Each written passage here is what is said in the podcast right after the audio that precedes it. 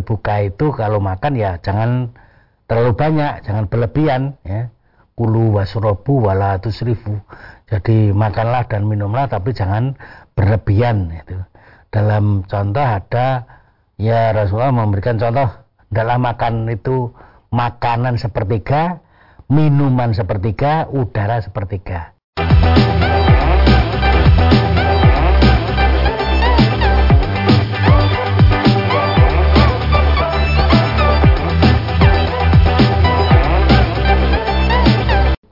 Melanjutkan pelajaran sekaligus memberikan pencerahan untuk kita semua di kesempatan kali ini. Assalamualaikum warahmatullahi wabarakatuh. Waalaikumsalam warahmatullahi wabarakatuh. Kabar baik dan sehat Baik, Baik, alhamdulillah sehat-sehat. Baik.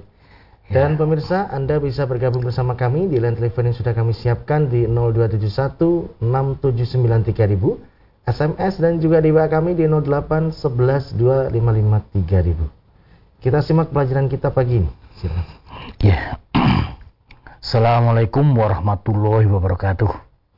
Alhamdulillahi namaduhu wa nasta'inuhu wa nastaghfiruh wa na'udzu billahi syururi anfusina wa min sayyiati a'malina may yahdihillahu wa may yudlil fala hadiyalah.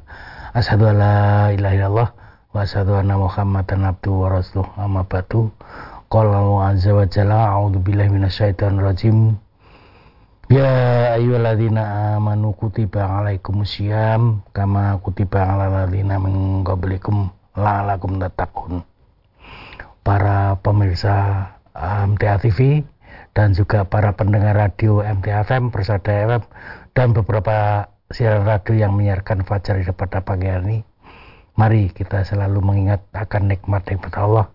Pada pagi hari ini kita dibangunkan diberikan kehidupan, diberikan waktu, diberikan kesempatan, dan juga diberikan kenikmatan kita uh, bisa sampai pada bulan Ramadan pada pagi hari ini.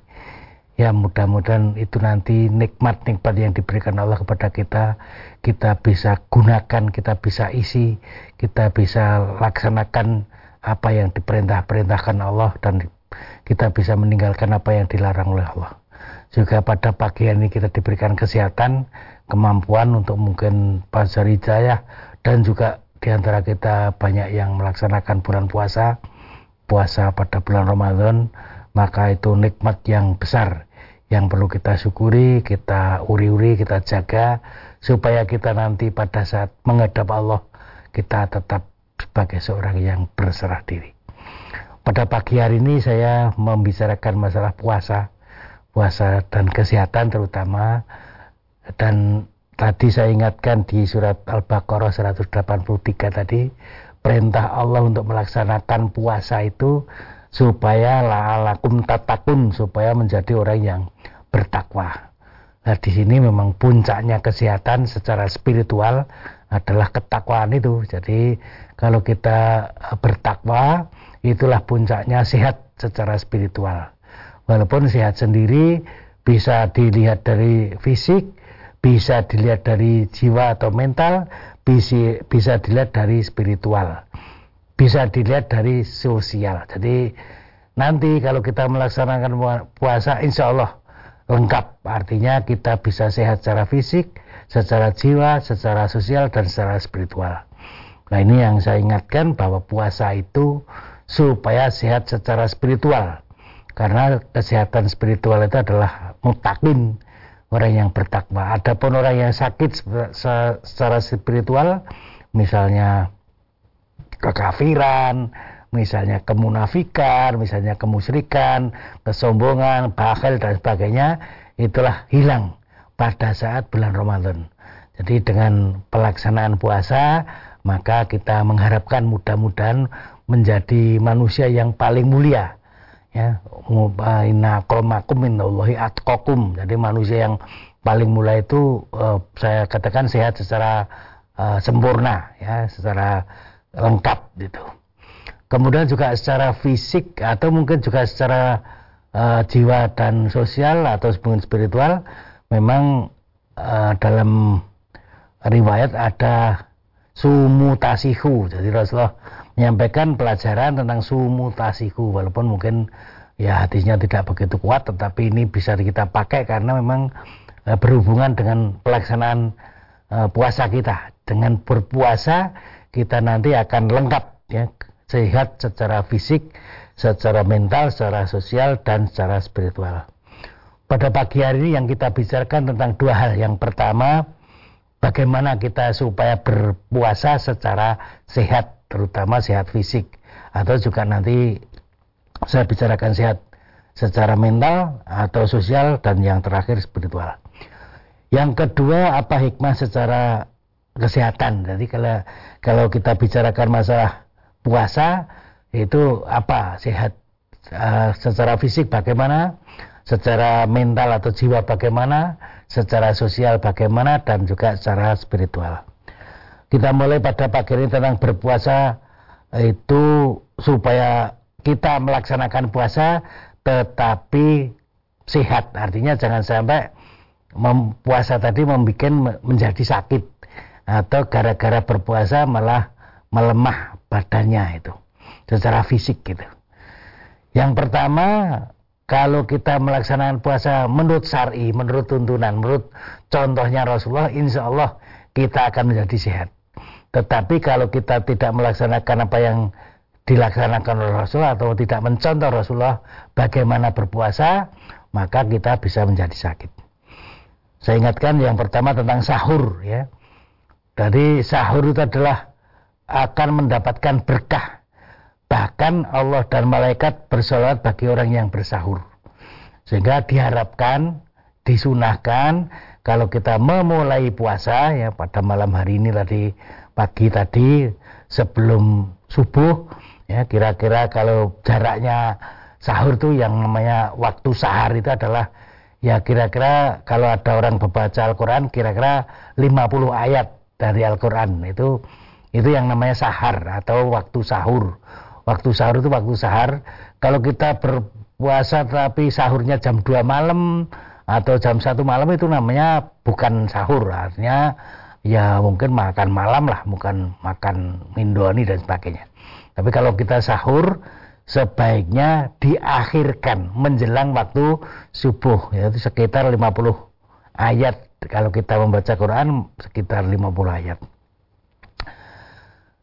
Dan yang membedakan puasa kita dan ahli kitab adalah sahur jadi kalau mereka ahli kitab mungkin banyak yang berpuasa juga tapi tidak ada istilah sahur. Tapi dalam Islam itu sebelum kita berpuasa diperintahkan di segi walaupun loh, walaupun yang kita minum itu hanya seteguk air, tetapi sahur itu mendapatkan berkah. Maka kita ya kalau sebelum subuh kita bangun kalaupun bisa makan ya monggo lengkap ya boleh. Atau sekedar snack-snack juga boleh. Atau terpaksanya karena mungkin perutnya masih kenyang atau mungkin tidak mau makan ya dengan minum seteguk air itu sudah melaksanakan sahur itu. Kemudian yang kedua berbuka itu contohnya Rasulullah itu disegerakan berbuka. Jadi begitu masuk waktu maghrib ya sudah terdengar azan itu berarti kita segera berbuka bukan segera sholat, bukan segera ke masjid, kalau nanti aja bukannya malam, nanti malam kalau pas sudah enak, tidak. Begitu langsung mendengar azan sudah atau juga waktunya sudah masuk ya, mungkin ada terdengar atau waktunya sudah kita tahu di situ sudah boleh maghrib, waktunya maghrib, maka kita disegerakan berbuka. Sekalipun sekalipun berbuka tadi hanya minum seteguk air. Jadi kalau kalau kita sudah minum itu sudah namanya berbuka. Tidak harus makan besar, tidak harus makan lengkap. Tapi kalau uh, kita membuka puasa kita dengan uh, minum seteguk air. Boleh juga dengan kurma kalau di di mana-mana ada kurma sekarang di Indonesia juga banyak kurma boleh. Rasulullah dulu biasa uh, berbuka dengan kurma atau juga boleh buah-buahan Ya, yang paling bagus juga buah-buahan yang segar, buah-buahan yang belum dimasak misalnya. Tuh, tapi dimasak juga boleh. Tadi yang penting adalah uh, segera berbuka. Pakai apa saja boleh. pakai air minum, pakai kurma, pakai buah-buahan atau pakai snack monggo. Atau makan lengkap juga boleh, langsung makan uh, makan nasi dengan segala lauk pauknya juga boleh. Jadi namanya menyegerakan berbuka. Tuh, karena kita melaksanakan sunnah Rasul maka kita ya mendapat pahala gara-gara kita segera berbuka. Jadi tidak ada kebaikan, wah saya nanti malam aja atau besok pagi aja. Bahkan yang tidak boleh lagi namanya puasa wisol. Puasa wisol itu puasa terus menerus ya, tanpa buka, tanpa sahur. Jadi hari pertama sudah puasa, terus tanpa buka, tanpa sahur hari kedua, kemudian hari berikutnya juga tidak buka, tidak sahur, itu tidak diperbolehkan. Wisol itu tidak boleh kalaupun terpaksa mungkin tidak begitu enak makan ya ya misalkan buka buka buka boleh. Atau sahur sahur sahur boleh. Tadi pokoknya ada ada buka atau ada sahur. Yang paling bagus ya berbuka ya bersahur. Karena semuanya ada nilai pahalanya. Kemudian dalam tuntunan makan sahur itu atau makan uh, istilahnya berbuka itu kalau makan ya jangan terlalu banyak, jangan berlebihan ya. Kulu wasrobu wala tusrifu. Jadi makanlah dan minumlah tapi jangan berlebihan itu. Dalam contoh ada ya Rasulullah memberikan contoh dalam makan itu makanan sepertiga, minuman sepertiga, udara sepertiga. Jadi diberi ruangan ya di dalam makan, dalam minum tadi. Ya makan itu ya kira-kira tempatnya sepertiga. Minumannya sepertiga. Minum itu gak perlu banyak karena yang paling membahayakan orang dehidrasi kekurangan cairan. Maka makan makan dan minum itu sama-sama kemudian udara juga sepertiga. Juga disampaikan makanlah kalau kamu lapar dan kalau ka, makan jangan terlalu kenyang. Jadi kita dalam kehidupan sehari-hari makanlah kalau kamu lapar tapi kalau sudah makan jangan terlalu kenyang. Kemudian berikutnya pelajaran tentang bergizi ya jadi makanlah makanan yang ya istilahnya sekalin halalan selain halal dan toyib. Artinya makan itu bergizi ada nilainya ya. Jadi sekarang yang namanya makan itu yang bergizi namanya makanan seimbang sesuai dengan porsinya. Ya ada karbohidrat ada lemak ada protein ada vitamin eh, mineral itu jadi disesuaikan dengan kebutuhannya kita sedang mau makan tadi apa yang harus kita makan itu tentu makanan yang bergizi. Tuh. Kemudian juga pada bulan Ramadan ini ya disunahkan untuk sholat malam. Atau sholat tahajud. Kalau di bulan Ramadan namanya sholat taraweh ya. Sholat taraweh dengan ya santai ya. Jadi istilahnya pakai istirahat jadi yang yang kalau bisa ya boleh malam hari.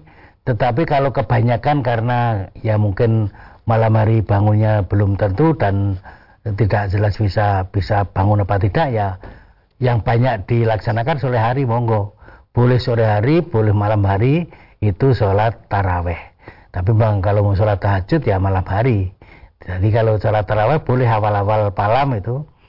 Tuh para sahabat juga pernah melaksanakan sholat taraweh tadi pada sore hari. Tapi Umar pada saat itu saya biasa sholatnya malam hari. Jadi boleh sore hari, boleh malam hari, boleh berjamaah, boleh munfarid sendirian, ya, boleh di masjid, boleh di rumah, monggo. Jadi sholat taraweh itu di rumah boleh, di masjid boleh, berjamaah boleh, munfarid juga boleh itu. Tapi kalau tahajud ya kebanyakan tahajud ya munfarid sendirian ya, yang yang uh, berjamaah tahajud itu di, diragukan lah. Jadi tidak begitu anu. Tapi kalau yang munfarid jelas boleh itu. untuk taraweh tadi di masjid juga boleh di rumah juga boleh berjamaah juga boleh munfarid juga boleh.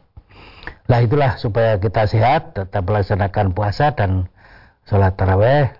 Kemudian kalau dilihat dari kesehatan fisik ya hikmah puasa dilihat dari kesehatan fisik. Yang pertama mengistirahatkan mesin.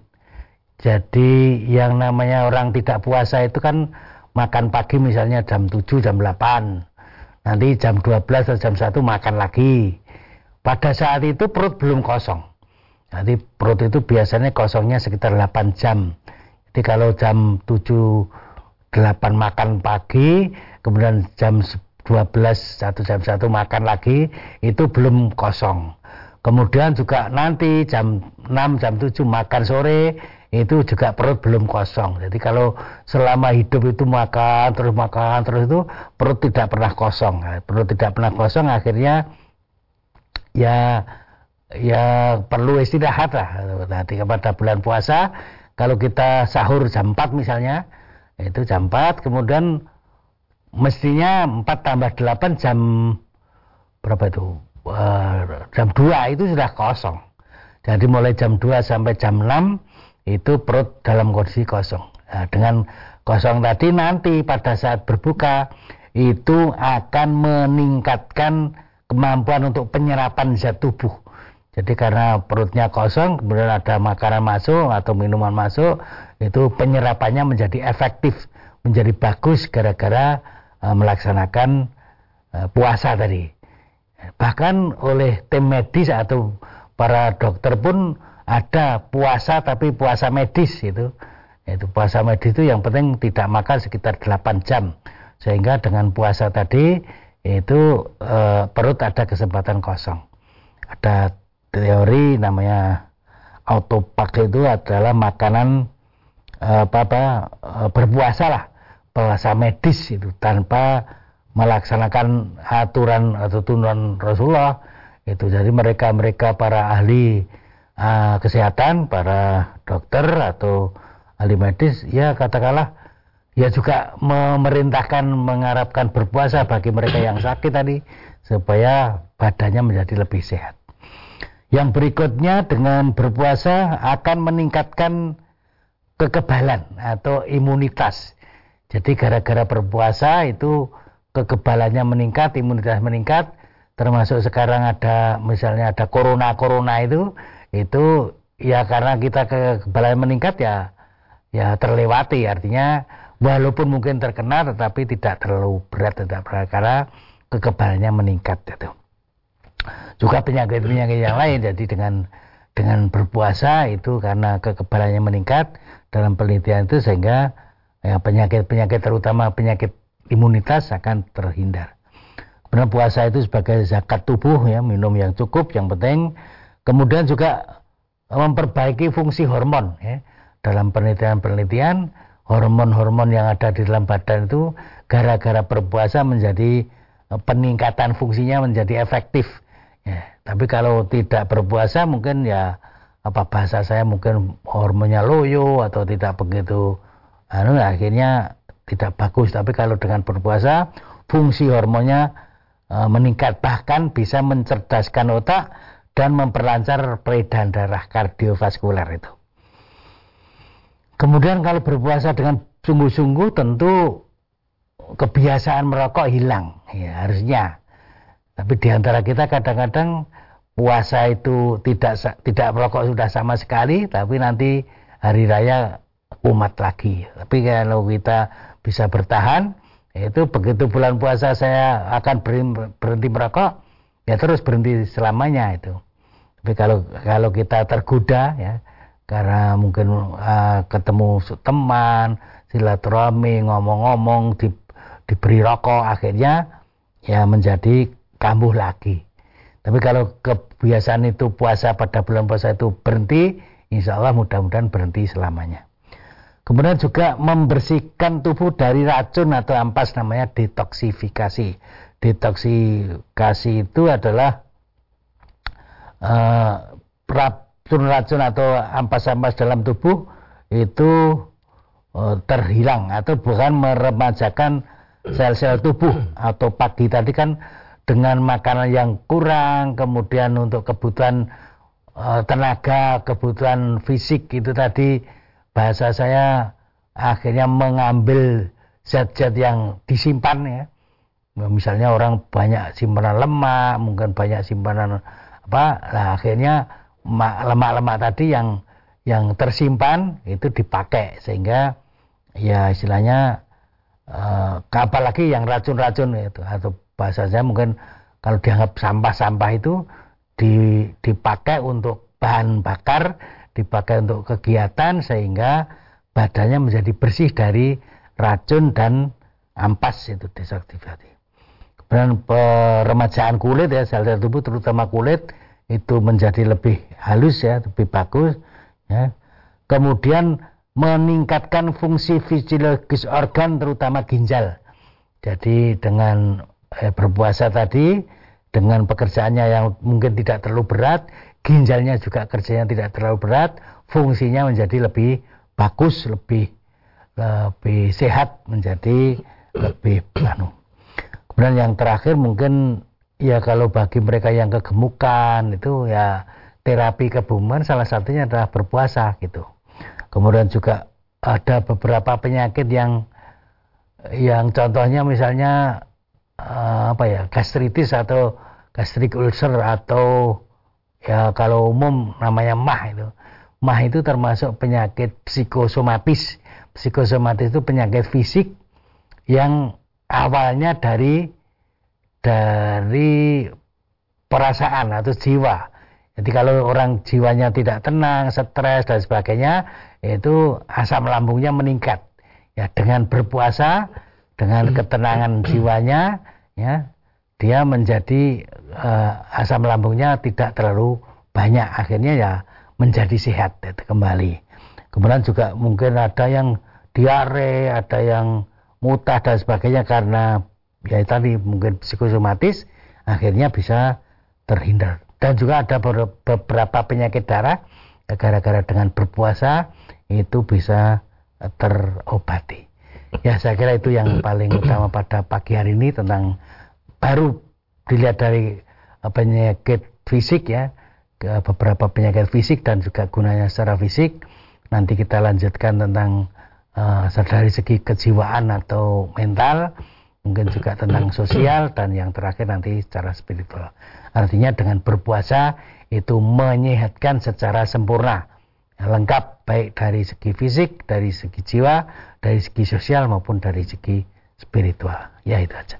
Ya, baik pemirsa, kami harapkan Anda bisa bergabung bersama kami di line telepon 02716793000, SMS dan juga di WA kami di 08 11 255 3000. Namun sebelumnya kita akan simak beberapa informasi dalam rangkaian jeda pariwara berikut ini. Saudaraku pemirsa channel terpilih MTA TV di mana pun Anda berada, terima kasih Anda masih setia bersama kami, khususnya di program unggulan Fajar Hidayah pagi ini. Kami persilahkan kesempatan pertama di line telepon 02716793000 untuk bisa bergabung. Halo, Assalamualaikum. Waalaikumsalam warahmatullahi wabarakatuh. Dengan siapa di mana Ibu? Dengan Ibu Sri di Pacitan, Mas. Silakan Ibu Sri. Iya, terima kasih. Assalamualaikum warahmatullahi wabarakatuh, Dokter Putih. Ya, Waalaikumsalam warahmatullahi wabarakatuh. Mari, Bu Sri. Iya, Dok. Yang saya tanyakan yaitu, Dok, saya tuh apa namanya anemia. Terus ini bulan puasa. Terus saya tadi pagi itu sahur.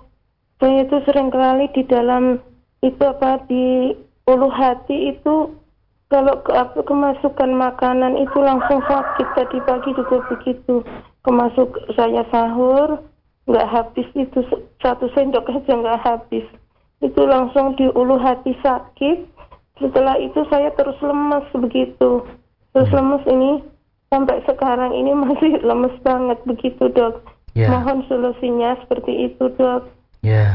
Hmm, juga punya sakit kedua, jantung lagi, Bu Sri. Kenapa dok? Juga punya sakit jantung sekali tahu. Iya, saya iya. punya sakit jantung. Iya. Terus anemia. Terus dulu itu pernah di USG ginjal juga, tapi oh, ini ginjalnya insya Allah udah sembuh dok. Iya. Hmm, tapi saya masih perawatan dokter terus ya. ini. Iya. Iya begitu Baik. dok. Iya. Iya dok, yang terus yang kedua kali dok. Iya. Saya itu sakit yang kedua kali saya itu sakit seperti ini terus saya tuh punya putri itu tak suruh ke sini begitu dia tuh nggak boleh sama suaminya sampai sekarang itu udah sampai dari awal saya dulu masuk rumah sakit sampai sekarang itu nggak ini nggak boleh sama suaminya. Itu gimana dok? Yang yang apa yang dosa itu putri saya? Apa suaminya? Masalahnya suaminya orang yang nggak salah dok. Dulu udah saya larang nah, itu. iya. Sudah Iya. saya larang menikah sama dia, tapi putri saya sangat nekat sekali, Iya. memaksa-maksa gitu. Padahal dia sebenarnya juga anak yang soleh, soleha. Pu- begitu. putranya berapa? Bu Sri putranya berapa Putra saya putri satu, putra satu, yang Oh, putra dua. masih sekolah di pondok. oh Kalau ya yang putra, alhamdulillah dok itu. Begini yang putri dulu juga saya sekolahkan di dari SD-nya tuh Islam dok dari masih kecil saya didik Islam sampai SD-nya SD-nya juga SD Islam di Solo, SMA sampai SMA juga di Islam di Solo di MPL di Man Solo. Tapi setelah dia menikah dengan orang kafir seperti itu, Iya. sama suaminya aja mau nengok saya nggak boleh sama bapaknya ditelepon ibu Iya. kangen sama kamu kamu tuh nggak ke sini sampai sekarang juga nggak mau ke sini iya kadang saya berpikir ke situ Mpok, terus itu lambung saya naik itu saya jadi orang tua harus gimana dok Iya. begitu Baik. ya terima kasih atas Iya. tausiahnya dok wassalamualaikum warahmatullahi wabarakatuh Waalaikumsalam warahmatullahi wabarakatuh. Jadi yang pertama tadi tentang sakit ya, kondisi sakit, apalagi penyakit jantung, apalagi anemia, kemudian kemarin sempat ginjal dan mungkin penyakit-penyakit yang lain. Memang sakit secara umum itu maridon au ala safarin itu mengganti di hari yang lain. Jadi kalau sedang sakit atau sedang bepergian itu nanti e, mengganti di hari yang lain. Tapi kalau sakitnya sakit biasa atau sakit yang mungkin mudah sembuh. Tapi kalau Ibu Sri ini kelihatannya kan sudah penyakit kronis ya. Jadi mungkin ada anemia, kemudian juga ada penyakit jantung, ada penyakit ginjal sebagainya. Itu memang kemungkinan kesembuhannya kan agak sulit. Nah kalau memang terpaksa tidak bisa berpuasa, apalagi tadi pagi habis sahur malah perutnya sakit, kemudian juga ya mungkin bahasa saya mungkin karena asam lambungnya meningkat, akhirnya lemes dan sebagainya. Ya kalau pagi ini tidak bisa puasa, ya sudah. Kalau di waktu yang lain nanti bisa nyahur itu boleh. Tetapi kalau memang sakitnya sakit menaun dan tidak bisa nyahur, eh, membayar fidyah karena dengan susah payah tidak bisa melaksanakan puasa. Jadi karena tidak bisa melaksanakan puasa karena kondisi sakit kronis, boleh itu dengan membayar fidyah. Tapi kalau sakit biasa, itu nanti di waktu yang lain diganti. Jadi dilihat nanti Bu Sri sesudah uh, puasa nanti bulan Syawal dan sebagainya uh, kira-kira bisa mengganti apa tidak? Kalau memang masih berat sekali karena sakit ya, berat karena penyakit kronis itu nanti membayar fidyah saja itu. Itu yang pertama tentang ibadahnya. Kalau ibu sekarang sedang lemes dan anemia tadi ya boleh tidak tidak berpuasa. Tetapi nanti membayar fidyah kalau memang sakitnya sakit kronis. Yang kedua ya itulah kalau kita salah dalam menikahkan anak kita, anak putri, kemudian menikah dengan seorang laki-laki tanpa sholat, itu kan akhirnya ya tadi anaknya untuk melihat atau menengok ibunya tidak diperbolehkan oleh suami karena suaminya tidak sholat kan tidak tahu tuntunan, tidak ngerti aturan, tidak ya udah. Ya sekarang ya kita serahkan pada Allah saja, didoakan mudah-mudahan anaknya tadi nanti akan mendapat hidayah dari Allah itu. Tapi bahasa saya Bu Sri jangan mentergantungkan saya tergantung anak saya, tidak. Tapi ketergantungan kita kepada Allah. Jadi kita berusaha semaksimalnya anak yang laki-laki di pondok kalau bisa di ya kebetulan ibu sedang masuk rumah sakit, anak tadi bisa disuruh pulang diajak anu papa ngurus ibu boleh saja di semaksimalnya. Tapi kalau anak putri yang yang dinikahkan kepada laki-laki yang tidak sholat tadi bahasa saya ya tidak bisa diharapkan ya sudah. Jangan terlalu apa ya terlalu gerantes atau terlalu oh ya istilahnya berat sampai oh saya kok anak saya disuruh eh, datang ke sini tidak mau dan sebagainya ya kira karena salah salah dalam pernikahan tadi menikahkan putra putri ibu dengan laki-laki yang tidak sholat akhirnya ya ya tidak tahu tuntunan. Nah, putri ibu yang sudah sekolah Islam, sudah mungkin lulusan Islam, tapi karena tidak tahu jalan artinya tidak tahu bahwa seorang wanita itu menikah dengan orang kafir itu haram, itu ya akhirnya itu uh, yang ditaati oleh suaminya walaupun suaminya tadi tidak sholat akhirnya kan jadi ya sampai tidak taat pada orang tuanya. Itu penyebabnya karena kebodohan terhadap agama. Ya, artinya walaupun disekolahkan ke Islam walaupun uh, mungkin di pondok atau mungkin di sekolah-sekolah Islam tapi kalau tidak memahami tidak ngerti ya akhirnya ya tadi salah jalan tadi akhirnya ya ya saya harapkan ibu jangan terlalu banyak memikirkan itu karena memang sudah salah jalan. Ya didoakan sajalah. Mudah-mudahan Allah memberikan hidayah kepada anak tadi yang yang salah jalan tadi. Ya harapan kita mungkin kepada Allah dan juga mungkin anak yang yang kakung lah bisa diharapkan untuk membantu ya itu saja ya baik Beralih ke pertanyaan di WA dari saudara kita yang ada di Jambi. Ustadz, apakah ada tuntunannya sholat raweh 8 rakaat dengan pelaksanaan 4 rakaat salam, 4 rakaat salam? Iya, jadi memang ada riwayat ya, terutama dari Siti Aisyah itu menceritakan bahwa uh, Rasulullah itu dalam melaksanakan taraweh itu empat rakaat, kemudian istirahat empat rakaat kemudian istirahat kemudian tiga rakaat itu uh, witirnya itu. Jadi ada riwayat begitu. Tapi ada hadis lain yang namanya Rasulullah itu sholatul laili wan nahari atau sholatul laili masna masna. Harinya sholat malam atau sholat siang itu dua rakaat dua rakaat. Jadi kalau dalam riwayat Siti Aisyah tadi empat rakaat empat rakaat ya empat itu dilaksanakan dua rakaat dua rakaat terus istirahat. Dua rakaat dua rakaat terus istirahat baru tiga rakaat. Jadi bukan empat rakaat. Misalnya misalnya kita memahami empat rakaat pun misalnya itu tidak ada ya empat rakaat itu terus terusan tanpa tahiyat awal. Kalau melaksanakan empat rakaat kan Rasulullah biasanya di rakaat kedua tahiyat awal dulu. Baru oh, bablas ke kata apa rekat ketiga keempat. Tapi kalau empat rekas terus-terusan itu saya belum pernah melihat hadisnya yang yang istilahnya apa mencontohkan empat rekat terus-terusan terus-menerus itu. Tapi kalau empat rakaat biasanya Rasulullah ya ada sholat sholat apa ada tahiyat awal dulu itu empat rakaat kalau tiga rakaat memang terus-terusan karena jangan menyerupai maghrib. Kalau menyerupai maghrib itu kan tiga rakaat itu dua rakaat tahiyat awal baru satu rakaat itu maghrib. Nah kalau tahajud itu tiga rakaat terus itu. Jadi hadisnya bukan jangan menyerupai sholat wajib tapi jangan menyerupai uh, maghrib. Jadi sholat maghrib itu tiga rakaat pakai tahiyat awal kalau tiga rakaat pada taraweh tanpa tahiyat awal jadi langsung terus itu. Tapi kalau empat rakaat tidak ada keterangan itu. Jadi um, kalau terpaksa memang empat rakaat itu ya dua rakaat dua rakaat istirahat dua rakaat dua rakaat dan mungkin ya saya pernah membaca tarjih Muhammadiyah pun itu boleh empat rakaat boleh dua rakaat. Nah, kalau mau empat rakaat boleh tetapi dua rakaat tahiyat awal baru sampai empat rakaat.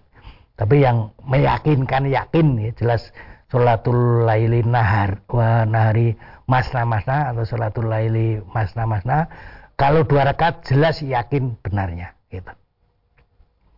Ya, demikian Ustaz. Ya. Ya. Kita lanjutkan masih di WA Ustaz. Berikutnya dari Ibu Suparti di Lampung. Ustaz, saat ini saya sedang sakit dan dalam pengobatan rawat jalan oleh dokter spesialis jantung. Ya. Diagnosa dokter spesialis jantung, saya menderita HHD dan ya. dispepsia. Dispepsia ya. Bagaimana cara berbuka puasa dan sahur yang tepat untuk kesehatan jantung, Ustaz? Mohon tausiahnya. Ya. Jadi kalau HD itu biasanya awalnya memang hipertensi. Setelah hipertensi kemudian sampai ke jantung. Ya jantungnya kena gara-gara hipertensi yang lama. Tuh maka memang harus ada pengobatan yang rutin ya terutama hipertensinya harus diobati, kemudian juga jantungnya diobati. Yang kedua dispepsia itu ya seperti tadi uh, apa perut yang sakit atau ya kalau diberi makanan uh, menjadi kembung dan sebagainya itu biasanya memang uh, makanan-makanan yang merangsang itu yang bikin masalah itu. Maka yang paling utama kita supaya dari segi jantung ya atau hipertensi yang paling utama dicegah adalah ya tidak terlalu banyak makan garam. Artinya uh, makan garamnya sedikit saja, tidak boleh makan yang asin-asin ya. Atau mungkin ada gereh, mungkin ada uh, snack-snack yang asin itu itu harus dihindari. Kalau makan sayur kalau bisa dikurangi seminimal mungkin. Jadi garamnya hanya sedikit saja. Syukur tanpa garam. Jadi garam itu yang paling utama meningkatkan tensi. Kemudian juga biasanya ya kolesterol dan trigliserid dan asam uh, tinggi maka juga ya golongan-golongan lemak lah, golongan minyak itu harus dihindari termasuk uh, minyak kelapa atau mungkin juga santan dan sebagainya itu dihindari. Termasuk kuning telur harus dihindari. Makanan-makanan laut juga banyak dikurangi. Jadi yang paling banyak makanan sayuran dan buah-buahan itu terutama pada saat berbuka ataupun sahur itu untuk jantungnya atau mungkin dispepsia untuk dispepsia makanan yang merangsang yang pedas, yang kecut, termasuk minum kopi itu merangsang. Jadi harus dihindari supaya dispepsianya tidak tidak kambuh. Kemudian untuk jantung tadi adalah terutama garam dikurangi dan golongan minyak. Ya, itu aja. Ya, baik. Masih ada kesempatan kami persilakan di line telepon kembali. Halo, Assalamualaikum. Halo, Assalamualaikum. Waalaikumsalam warahmatullahi wabarakatuh. Dengan siapa di mana, Bapak? Ini dari Pak Basuki di Purwasari Purbalingga. Ya, silakan Pak Basuki Purbalingga. Assalamualaikum warahmatullahi wabarakatuh. Waalaikumsalam warahmatullahi wabarakatuh. Mari Pak Basuki Purbalingga. Puasa wajib tidak ada undur sari sari sari tidak tidak uh, berbuka satu hari maka tidak bisa diganti walaupun sepanjang tahun. Mohon dijelaskan hadisnya dan riwayat siapa. Ya demikian. Ya yang kedua. Orang yang membanggakan keturunan seperti umbang menyurung kotoran dengan monsongnya itu di surat apa dan ayat berapa mohon dijelaskan. Terima kasih. Assalamualaikum warahmatullahi wabarakatuh. Waalaikumsalam warahmatullahi wabarakatuh. Itu yang yang hadis itu saya cari dulu. Yang kedua yang saya jawab yang kedua dulu. Hmm. yang namanya itu bukan ayat itu hadis ya. Um, seperti membangga-banggakan itu seperti apa uh, kumbang yang anu itu bukan bukan ayat tetapi hadis itu. Kemudian tentang apa ya saya yang ya intinya kalau orang itu tidak berpuasa tidak bisa anu digantikan. Artinya sepanjang tahun itu. Ini ya nanti di saya cari dulu nanti di baru. Ya. Pertanyaan berikutnya berarti saja ya. ya. Yang tadi hadis ya yang tentang seperti membanggakan itu yang mendorong kotorannya. Okay. baik saya bacakan untuk pertanyaan berikutnya Ustaz dari Mbah Sai di Magetan. Tadi diterangkan tentang puasa bagi kesehatan. Saya penderita diabetes. Bagaimana kiat puasa yang sesuai agar tetap sehat Ustaz? Yeah jadi terutama bagi mereka yang punya penyakit kronis ya, mungkin hipertensi, mungkin eh, apa kencing manis, itu alangkah baiknya tetap konsultasi kepada ahlinya. Minimal dokter umum, kemudian juga yang paling bagus kepada ahli penyakit dalam.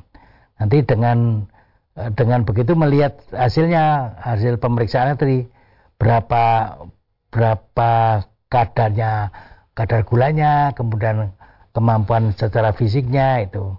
Jadi secara umum kalau orang itu kadar gulanya di bawah 250 biasanya puasanya diperbolehkan. Tapi kalau tidak terkontrol sampai 300 sampai 350 atau lebih itu biasanya ya istilahnya ditunda atau di di nanti di waktu pada saat uh, sehat atau pada saat di waktu lain. Tapi kalau tidak terkontrol terus-terusan ya ya sudah membayar fidyah gitu. Ini kalau bisa terkontrol itu bisa bisa mengganti di waktu yang lain. Kalau kalau pada saat setelah puasa atau bulan bulan di lain bulan Ramadan itu bisa terkontrol. Tapi kalau tidak bisa terkontrol karena ya mungkin karena apa? Karena kondisi apa gulanya yang yang tinggi terus ya akhirnya karena namanya penyakit kronis tidak bisa melaksanakan puasa karena susah payah ya sudah mengganti um, dengan membayar fidyah itu. Ya, baik. Satu lagi Ustaz, masih ada kesempatan dari WA kembali dari Ibu Siti di Wonosobo. Bagaimana cara menghadapi anak yang durhaka pada orang tuanya Ustadz? Sudah dinasihati tetapi tidak ada perubahan atau belum berubah. Demikian Ustaz. Intinya kalau anak biasanya durhaka pada orang tua itu penyebabnya karena tidak tahu tentang tuntunan agama. Jadi kalau jauh dari tuntunan agama, akibatnya perilakunya eh, tidak mentaati orang tua, tidak berbakti pada orang tua, termasuk mungkin juga tidak berbakti pada tidak menghormati suami, itu karena penyebabnya karena karena tidak tahu tentang tuntunan agama. Terapinya, pengobatannya adalah dengan ya disuruh mengaji atau disampaikan pelajaran-pelajaran itu. Jadi kalau tidak ada pelajaran tentang uh, ketaatan pada orang tua itu ya tetap tidak tahu, tidak tahu tuntunan. Tuh. Jadi kembali kepada Allah dan Rasulnya dipahamkan tentang agama sehingga menjadi paham bahwa dia berkewajiban untuk taat pada orang tua itu. Jadi kalau karena ke, kebodohannya tentang agama akhirnya ya dia tidak tahu. Tidak tahu harus berbakti pada orang tuanya tadi gitu. Kalau kalau ada ya istilahnya ya yang paling utama di, diberi pelajaran lah. Pengajian pengajian sehingga dia tahu kewajiban seorang anak kepada orang tua itu harus berbakti ya. Ya. Baik Ustaz sekiranya sudah di penghujung perjumpaan. Ada yang bisa disampaikan sebagai nasihat silakan Ustaz. Hmm, yeah. Tadi belum enggak belum ketemu ya nanti ya. semuanya hadis tadi tentang uh, apa barang siapa uh, tidak bisa apa tidak berpuasa tanpa alasan ya. itu tidak bisa diganti di di waktu kapan pun nanti sepanjang tahun belum ketemu saya cari kemudian yang kedua kalau orang membanggakan membanggakan turunan. Nenek moyang rasa bangga anaknya ini anaknya itu itu digambarkan sebagai kumbang pemakan kotoran itu. Apa ya membanggakan itu. Ya pada pagi hari ini yang paling utama saya membicarakan masalah penyakit bukan penyakit ya puasa dilihat dari segi kesehatan ya terutama kesehatan spiritual. Tetapi saya mulai yang namanya uh, berpuasa itu tidak saja sekedar kesehatan spiritual tapi nanti bisa dilihat dari segi fisik bisa dilihat dari segi jiwa atau mental bisa dilihat dari segi sosial dan bisa dilihat dari segi spiritual. Pagi hari ini baru kita bicarakan puasa dilihat dari segi fisik ya. Penyakit-penyakit fisik dan juga kita berpuasa secara fisik yang sehat itu kita bicarakan pada pagi ini nanti di lain waktu akan saya sampaikan puasa dilihat dari segi jiwa atau mental, di lain waktu lagi juga dari segi sosial, dan yang terakhir yang paling utama kita berpuasa itu terutama supaya sehat secara spiritual. La'alakum tatakun itu sehat secara paripurna ya itu aja. Ya. Kami sampaikan terima kasih atas tausiahnya Ustaz. Assalamualaikum warahmatullahi wabarakatuh. Waalaikumsalam warahmatullahi wabarakatuh. Baik saudara pemirsa channel terpilih MDA TV di mana pun anda berada demikian tadi telah kita simak dan bersama program unggulan Fajar Hidayah di kesempatan pagi ini. Dan kembali tetap kami ingatkan untuk senantiasa kita laksanakan bersama protokol kesehatan, pakai masker, jaga jarak, dan cuci tangan menggunakan sabun. Saya Tommy Al-Fatoni pamit undur. Alhamdulillahirrahmanirrahim. Subhanakallahumma wa bihamdika. Asyhadu an la ilaha illa anta astaghfiruka wa Assalamualaikum warahmatullahi wabarakatuh.